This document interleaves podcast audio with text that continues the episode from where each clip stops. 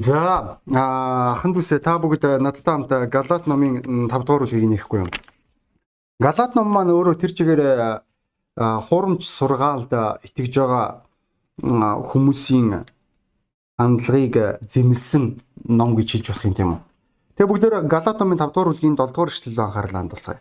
Та нар сайн гүйж байсан. Тэгвэл хэн та нарыг үнэнд дуулууртай байхад чинь саад болов болсон бэ гэж энэ ишлэл байгаа. Энэ ишлэл маань олон итгэгч нарын хувьд алдартай ишлэлүүдийн нэг гэдгийг та ойлгож байгаа бах. Энэ ишлэл дээр би Паул тэрээр хэлэхдээ а та нар өмнө нь зүв зүгээр гүйж байсан. Та нар хурдтай байлаа, та нар ирч хүчтэй байсан, та нар мундаг байсан. Одоо гэхдээ хэн нэгний үгс а та нарыг удаашрахад бүр магадгүй бүр гүүхэ болгоход зогсоход хүргэсэй гэж хэлж байгаа. Үүнд өнөөдөр гайж урсгад эсвэл хуурамч сургаалын онцлог оршиж байгаа гэдгийг та бүгд мэдж байгаа. Энэ үүний талаар Библи Еврей номын 13 дугаар бүлгийн 9 дугаар эшлэлдэр хэлэхдээ та надтай хамт нэггүй бид нэр өнөөдөр нэлээд олон удаа Библи рүү анхаарлаа хандуулах учраас та Библийг нээлттэй байлгаж исэн дээр болов. Еврей номын 13 дугаар бүлгийн 9 дугаар эшлэлдэр Библи хэлэхдээ Та нар янз бүрийн хачин жигтэй сургаалт бүүд татагт. Зүрх сэтгэл чинь холоос хоолоор бус нэгүсээр тэнхрэх нь сайн. Хоолоор байгсад нь ямар ч тусыг олоогүй билээ гэж хэлж байгаа. Э маргаангүй тийм үү? Энд чи одоо эзний оройг гажуулсан зүйлс яригдж байгаа маргаангүй. Гэхдээ энэ хэсгээр Библи нэг зүйлийг хэлж байгаа. Хачин жигтэй сургаалд бүү татагд гэж хэлж байгаа. Библи тэр чигээр ялангуяа Иремэ номон дээр тэр модонд мөргөгч хүмүүсийн талаар хуурамч сургаалт итгэгч хүмүүсийн талаар ярьдаг ч гэсэн шин гэрээн дээр илүүтэйгээр ярьж гисэн байгаа. Яг яагаад вэ гэвэл Паул мөн өөр элчнэр тэд нэр тухайн газар сүм нээж байгаа. Итгэгч нарыг үгэнд сургаж байгаа, сургаалд зааж байгаа, одоо би бурхны үгийг тунхалж байгаа. Тэгээ үүний дараа зарим нэгэн хоньны арьс өмссөн тэр чоннууд тухайн сүмд хурж ирж исэн. Энэ хүмүүс маань хизээч өөрсдийн гадаад төр төрхөөр тийм үү би бол гаж урсгалыг шүү би үнэхээр хуурамч сургаалыг шүү гэж харагдахаар хүмүүс ерөөсөө байгаагүй. Энэ хүмүүс сэтгэл татам сэтгэлийн үгсийг ярьсан. Энэ энэ дээр нэлээд өргөлт хийх хэрэгтэй болов нэгдлийн талаар ярьж болно. Энэ хүн сэтгэл санааны талаар ярьж болно. Сэтгэлийн дэмжлэгийн талаар ярьж болно. Сэтгэлийн ярианы талаар ярьж болно. Халамжийн талаар ярьж болно. Тодорхойлох юм бол таны сэтгэл санаа буюу бие махбодтой нь таашаал авч болохоор тэр бүх таныг дур булаам тэр зүйлсүүдийг ярьж байгаа. Гэхдээ энэ үгсүүд маань үнэн гэсэн үг ерөөсөө биш аж урсгалуудын хуурамч сургаал түгээгч хүмүүсийн онцлог нь үүнд ирдэг. Тэд нэр үнэхээр сэтгэл татмаар хүмүүс байдаг. Тэд нэр үнэхээр сэтгэл татмаар үгсүүдийг ярьдаг. Паул энэ гайж урсгалын талаар сурга хуурамч сургаалын талаар тэрээр хэлэхдээ энэ маань яг л хорт хавдартай ижилхэн гэж хэлж байгаа. Хорт хавдар өөрийн өвчлөлтөө тэр өөрийн дархалтаа өргөжүүлж байгаатай ижилхэн энэ зүйлсүүд итгэгч нарын дунд байх боломжтой гэж хэлж байгаа. Өнөөдөр гонигтай тийм өнөөдөр энэ хорт хавдард өөрийн амьдралаа зориулсан тэр итгэгч нарыг харах үед тэднэрт ямар ч библийн мэдлэг байхгүй тэднэрт ямар ч бурхны үгний ойлголт байхгүй Энэ шалтгааны улмаас Паул Эфесийн загтал дээр тэрээр хэлэхдээ янз бүрийн хүмүүсийн залим ихээс үүссэн салхины одоо яг одоо салхинд тугдж байгаа мэт сургаалуудад автахгүй байцгаая гэж хэлж байгаа. Өнөөдөр харамсалтай нь итгэгч нарын дунд хүртэл энэ нэг залтай гаж сургаалууд хүртэл бий болж байгаа. Би өнөөдөр тэр Мормон Йохова тэр ээж бурхан эсвэл өөр бусад шин тэнгэр газар юу ч гэдгийг одоо мөн энэ энэ зүйлсүүдийн энэ гайж урсгалуудын талаар сургаалуудын талаар зөвхөн яриаггүй байна. Бүр итгэгчнэр дунд хүртэл одоо ингээд 7 уулын сургаал гэдэг хүртэл энэ сургаал явсаар байгаа. Энэ маань болохоор итгэгчнэрийн хувьд зүгээр л нэг энгийн мэд санагдаж эхэлж байгаа. Зөв мэд санагдаж эхэлж байгаа. Гэхдээ энэ ч үүсэл гарал нь арай өөр гэдгийг та бүгд ойлгох хэрэгтэй. Энэ шалтгааны улмаас Паул эзэн Есүс Христ өөрийн шавнардаа хандан хэлэхдээ фарисеучуд ба садукеичүүдийн эсгэлтээс зайлсхий сэрэмжил гэж хэлсэн байгаа. Өнөөдөр ахан дүүсээ бид нэр хэрвээ өөрсдийн итгэлийн амьдралдаа маш болгоомжтой өнөөдөр үзэж байгаа зүйлсүүд, харж байгаа зүйлсүүд, сонсож байгаа зүйлсүүд рүү анхаарлаа хандуулахгүй бол нэг мэтгэд бид нэр гай журсгалд итгэе явж байгаа юм лээ. Бид нар хуурамч сургаалд итгэе явж байгаа юм лээ. Хуурамч сургаалуудын онцлогийг бид нар шинж тэмдгийг яг яаж мэдэж болох вэ? Гурван үндсэн арга байгаа болов. Нэгдүгээр бичээс хандах хандлагаар нь ихэвчлэн гайж сургаал түгээгэж байгаа хүмүүс маань Библийг Бурхны үг гэдгийг хүлээн зөвшөөрдгүй. Тэд нар өөрсдийн гэсэн номтой байдаг. Тэдний номыг ихэвчлэн тэдний удирдагч нар нь илчлэлээр дамжуулаад гаргасан байдаг. ава одоо янз бүрийн дуу хоолой сонсон, үзэгдэл үзсэн, илчлэлд авсан гих мэтлэн байдлаар удирдагч нь тэр номыг бичиж байгаа. А бас нэг өөр нэг зүйл нь болохоор юу вэ гэвэл Библийг хичнээн бурханлаг ном, бурхны амьсгалаар бүтсэн ном гэдгийг хүлээн зөвшөөрж байгаа ч гэсэн өөрсдийн илчлэлийн номыг Библиэд энэ зэрэгцүү тавьж байгаа. Бас нэг өөр нэг гажир байр суурь нь болохоор юу вэ гэвэл Библийг гажуудуулан орчуулж байгаа. Энэ ихний шинж тэмдэг. Хоёр дахь шинж тэмдэг нь болохоор яг юу вэ гэвэл Есүс Христэд хандах хандлага. Тэд нэр Есүс Христийг Есүс Христийн бурханлаг байдлыг гурвлыг хүлээн шөөрдгүү. За жишээлбэл Есүс Христийг ямар нэгэн тэнгэрийн элч гэж ярих дуртай, эсвэл ямар нэгэн агуу гүрүү ярьж байгаа бурхны одоо онцгой а тэр ёс суртахууны өндөр хэмжээстэй багш гэж хэлж болох юм тийм үү. Тэгээд тэдний одоо яг үнэлж байгаа хүн нь өөр гэдгийг та бүгд ойлгож байгаа бах. Энэ хүн маань болохоор ихэвчлэн тэдний сургаалыг үүсгэн байгуулсан удирдагч байдаг. Тэр хүнд иш үзүүлгийн үйлчлэлийг хариуцуулж байгаа. Бурханлаг дүр төрхийг өгч байгаа. Тэгээд ерөөсөө тэр хүн маань шүтээний байр сууриар тэр газар удирдагчийн байр суурийг илэрхийлж байгаа. А гурав дахь шинж тэмдэг нь болохоор аврал. Хуурамч сургаалын хүмүүс маань хизээч Есүс Христтэй аврал байгаа гэдэгт итгэдэггүй. Тэд нэр янз бүрийн олон замууд байдаг гэдэгт итгэдэг.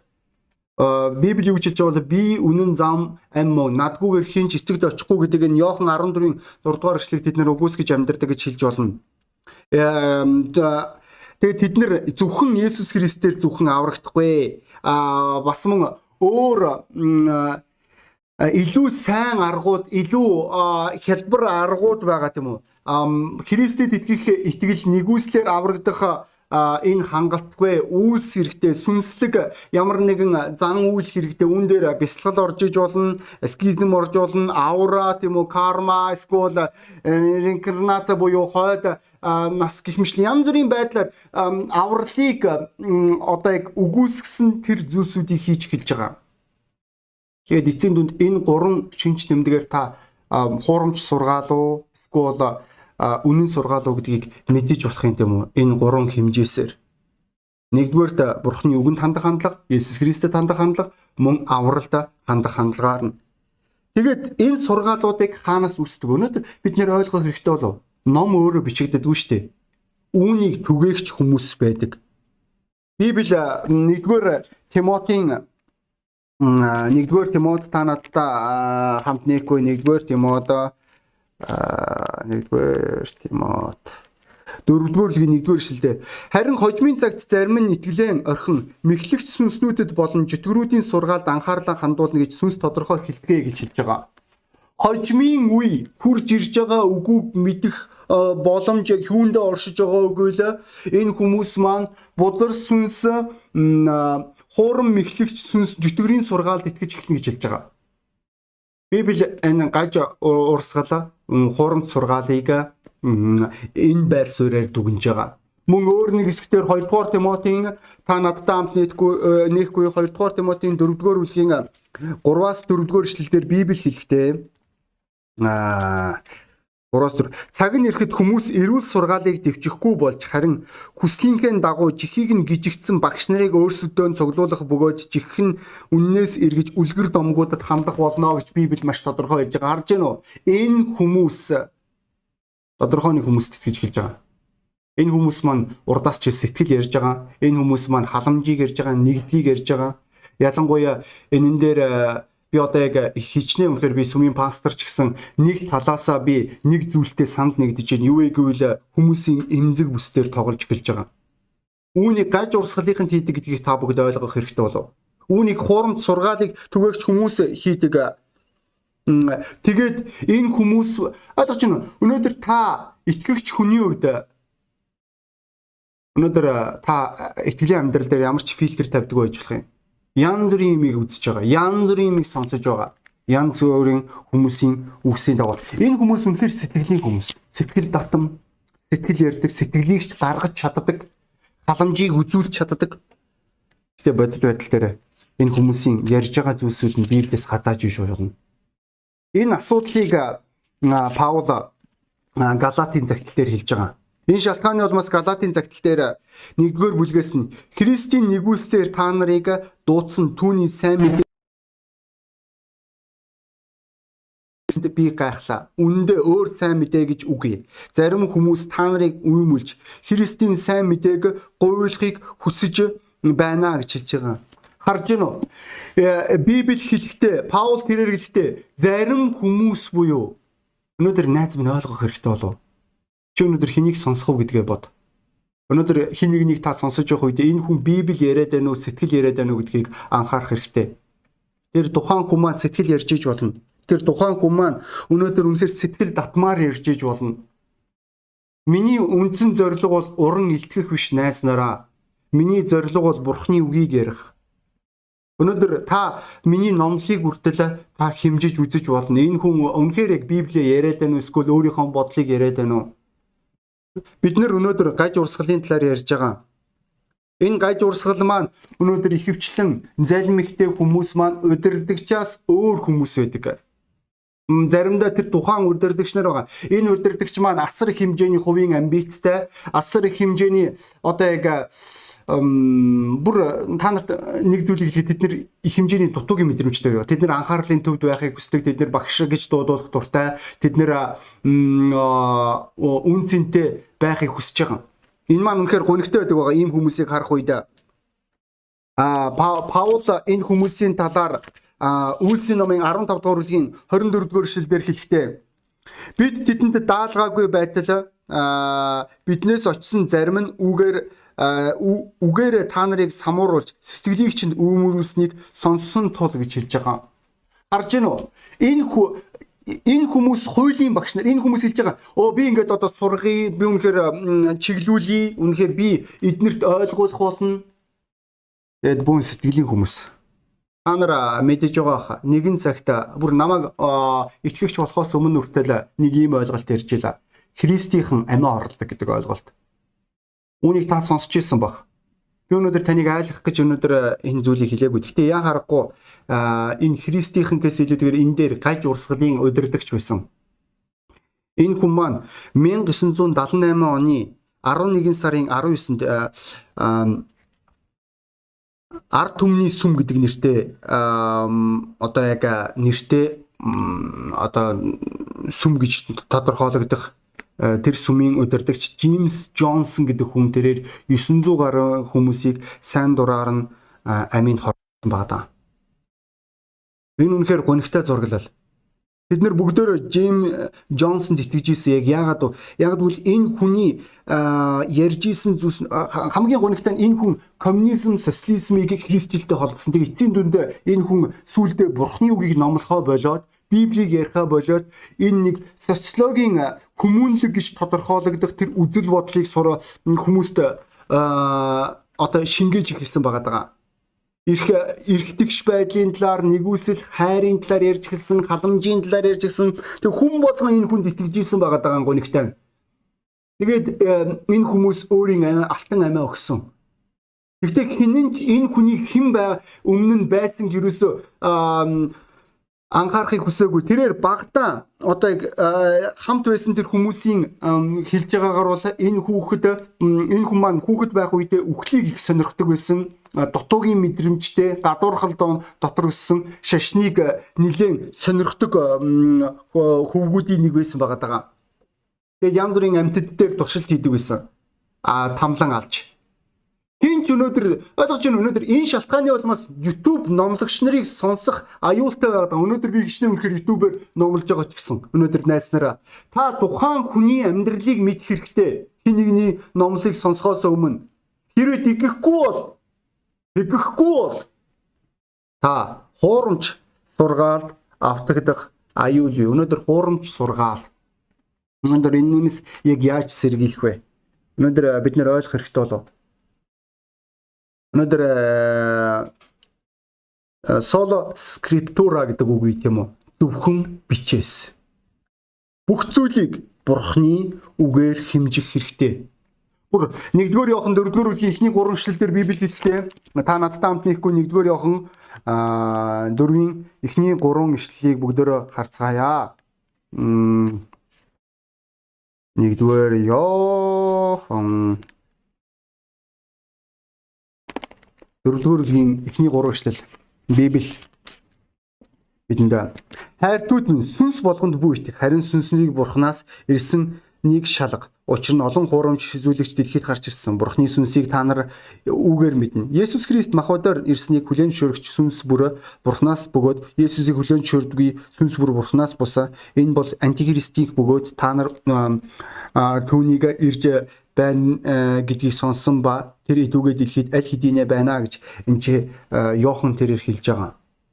Энэ шалтгааны улмаас харж уу? Бид нэр үргэлж бүх зүйлийг хэмжих хэрэгтэй Бурхны үгээр дамжуулж. Есүс Христийн хэмжээсээр би та бүгдэд хэлсэн тийм үү? Есүс Христэд хандах хандлага, Бурхны үгэнд хандах хандлага, мөн авралт хандлага яаж аврагддгийг. Энэ шалтгааны улмаас Ромын захидлын 10 17 дугаар ишлэлдэр хэлж байгаа. Итгэлэн сонсгоос сонсох нь Бурхны үгнээс Ойлгож ийн юу ярьж байгааг. А ямар ч номлогч өнөөдөр бурхны үгийг номлох ёстой болохоос өөрийн бодлыг номлох ёсгүй. Надад ингэж санагдаад байна. Надад ингэж мэдрэгдээд байна. Би өнөөдөр ингэ тэгээ тэгээд үгээ уучлаарай найз нараа. Энэ шалтгааны улмаас хүртэл Галатийн загтал дээр Паул цаашаага 8-аас 9-р эшлэлдэр хэлж байгаа. Харин бид ч эсвэл Тэнгэрийн зарлага илчиж гисэн бидний та нартай тунгаснаас өөр сайн мэдээг тунхаглуул хараагдаг.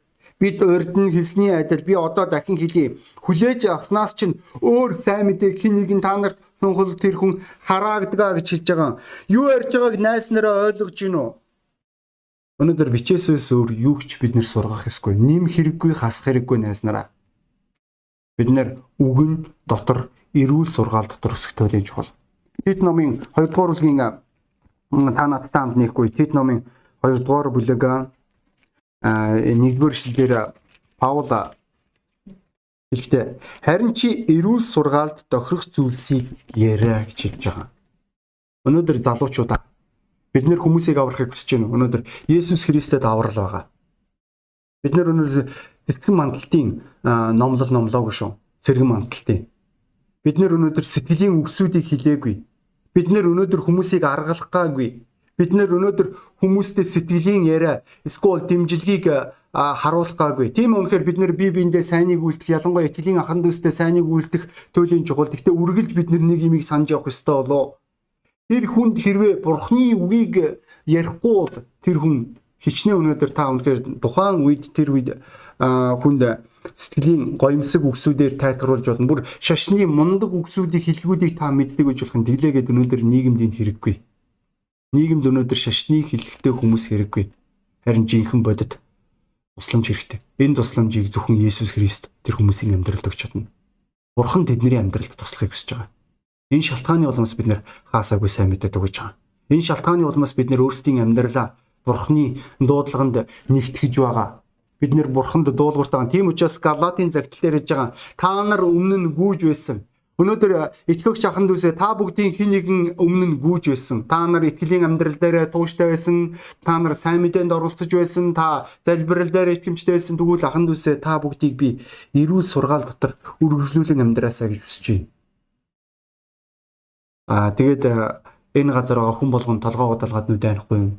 Би та бүгдийг өнөөдөр үгэн доторх бүс дээр шийдвэр гаргаасаа гэж хүсэж байна найснараа. Бид нэр үгийн дагуу амьдрах хэрэгтэй. Тэрнээс бол хүн хувь хүмүүсийн хийрхлийн дагуу ш. Хүмүүс янз бүрийн бодолтой байж болно. Энэ нь тэдний эрх. Янз бүрийн үгсүүдийг хэлж болно. Гэхдээ эцсийн дүнд өнөөдөр хэрвээ бид нэр бичээсээр бүх зүйлийг хэмжихгүй бол та мэдэж байгаа тийм үү? Библийн нэг нэр нь тол.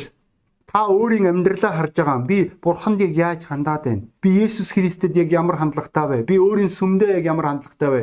Би бичээстэй ямар хандлагатай байна? Би түүнтэй харилцах харилцаандаа яг ямар хөө? Өнөөдөр бүгдөө шудраг байх хэрэгтэй энэ өглөө. Хэрвээ та гажиж гисэн бол найз минь гимшээд өөрийн замаа эргэн сэргээ. Өнөөдөр өмнө байсан тэр анхны хайр дотроо үргэлжлүүлэн дүрэл заасах хэрэгтэй. Бид нэр янз бүрийн зүйлсүүдийг өөрийн амьдралынхаа суурь болгох хэрэг болов бидний амьдралын суурь зөвхөн Есүс Христ. Тэгэд магадгүй та энэ номлыг анхудаа сонсч иж болох юм. Та итгэгч биш. Та аврагдаагүй. Тэгвэл найз минь би таныг аврагдаасаа гэж хүсэж байна. Яагаад гэвэл таны амьдралд байгаа нүгэл тань эцсийн эцэст их төрөөгүй таныг өөхөх үед таныг там руу явуулах болно. Тэгвэл миний бурхан таныг там руу яваасаа гэж хүсэхгүй байгаа. Энэ шалтгааны улмаас тэрээр өөрийн цорын ганц үгээ таны нүглийн төлөөс нь л өгсөн. А түүнийг мэдэхгүй байх үед Библи хэлэхдээ бидний нүгэлтэн байх тэр үед Есүс Христ бидний төлөө өөрийн амиа өгсөн гэж хэлж байгаа. Тэгвэл энэ золиосыг өөрсдийн амьдралдаа хүлээн авах тэр үед Та бурхнаас чин сэтгэлээсээ нүглийнхаа төлөө уучлалт гуйх тэр мөчид та бурхантай эвлэрдэг. Бурхан таны бурхан байхыг хүсэж байгаа. Таныг өрөөхийг хүсэж байгаа. Танд туслахыг хүсэж байгаа. Таныг аврахыг хүсэж байгаа гэдгийг ойлгох хэрэгтэй болов. Та илүү их зүйлийг мэдхийг хүсэж байгаа бол магадгүй та энэ өглөө танд гимшил хэрэгтэй. Та бурхантай эвлэрэх хэрэгтэй бол та энгийн залбирлаар залбирахгүй юу? Та дагаа хэлж болох юм. Тэнгэрлэг эзэм нэ. Есүс Христ миний нүглийн төлөө загалмаа дээр зовдлогдсон гэж хэллээ. Би таны өмнө нүгэлтэй Та миний нүглийг уучлаач. Та миний амьдралд орооч. Таныг таньж мэдэх боломжийг надад олгооч. Есүс Христийн нэрээр таны уучлалд баярлаа. Аамен. Өнөөдөр энгийн чин сэтгэлийн гимшил таны амьдралыг шинэ хуудаснаас эхэлж шинэ амьдралаас эхлэх тэр боломжийг танд олгож байгаа. Би таныг үнийг оролдож үзээсэй гэж хүсэж байна. Бурхны ариун сүнс танд туслах болно энд таныг чиглүүлнэ гэдэг би итгэж байна. Илүү их зүйлийг мэдхийг хүсэж бол та биднэртэй холбоо барьж болно. За тэгээд дуудлага өөрчлөе. Аханд үсэ бид нэр зөвхөн бичээс гэдэг соло скриптура тийм үү? Энэ үгсийг бид нэр мэддэг ч гэсэн энэ үгийн дагуу амьдрахгүй байх аюулгүй хуурамч сургаалын онцлог нь яг юунд оршиж байгаа вэ гэвэл бид нэр хэлж байна аа гайж урсгалын юм байна тийм байна. Гэхдээ яг бодитоогоор аваад үзэх юм бол таны амьдрал тань өнөөдөр бичээсийн дагуу байгаа болох аюул эн чин өөрөө хуурамч сургаал. Бүгдөө ухаантай байх хэрэгтэй болов. Бид бүгдөө өөрсдөө хуурах хэрэггүй. Бид нэр бичээсийн дагуу амьдрах хэрэгтэй. Би таныг энэ өглөө шийдвэр гаргасан гэдэгт итгэж байна. Өнөөдөр өөрсдөө хуурах хэрэггүй та өнөөдөр хэлж болох юм заримдаа итгэгч нар маань хэлдэг би энгийн итгэгч баймаар байна. Үгүй энгийн итгэгч гэдэг чинь үлсийн номон дээр байгаа тэр итгэгчийг хэлж байгаа бурхныг чин сэтгэлээсээ хайрладаг бурхны үгийн дагуу дуулууртай байдаг тийм хүнийг бид нэр энгийн итгэгч гэж хэлнэ шүү дээ. Өөрөөр бол өстой би мэдэхгүй мэн тэр ямарсан тэр хүн ямарсан библиэлд байдаг итгэгч юусоо биш. Христийнхэн гэдэг ойлголтоо Үлсийн номын 11 дугаар бүлэг дээр. Яагаад тэгж байгаа юм бэ? Яагаад гэвэл тэдний амьдралаас бусад хүмүүс Христ төвтэй амьдралыг олж харж ирсэн учраас Бид нэр өөрсдөө хуурах хэрэггүй шүү дээ. Хүн юу тарин тэрийг ураах болно. Тэгвэл ахан дүүсээ бүгдөө ухаантай байцгаая. Бүүм эхлэгд гэж Библи хэлж байгаа. Бурхан нэлэг дог болохгүй. За тэгээ бүгдөө өнөөдөр энэ өглөөний номлын төгсгөл бүгдөө хамтаа залбирцгаая. Тэнгэрлэгс өнөөдрийн номлыг ивэсэн эцэг дандаа далгачийн эзэм Даниэл танийгаар үргэлж бид нартай хамт голдгоо. Аа ахан дүүсийн миний вэ Иесус Христийн цар. Аамен. Утгагүй зөмөр холбогцгоё.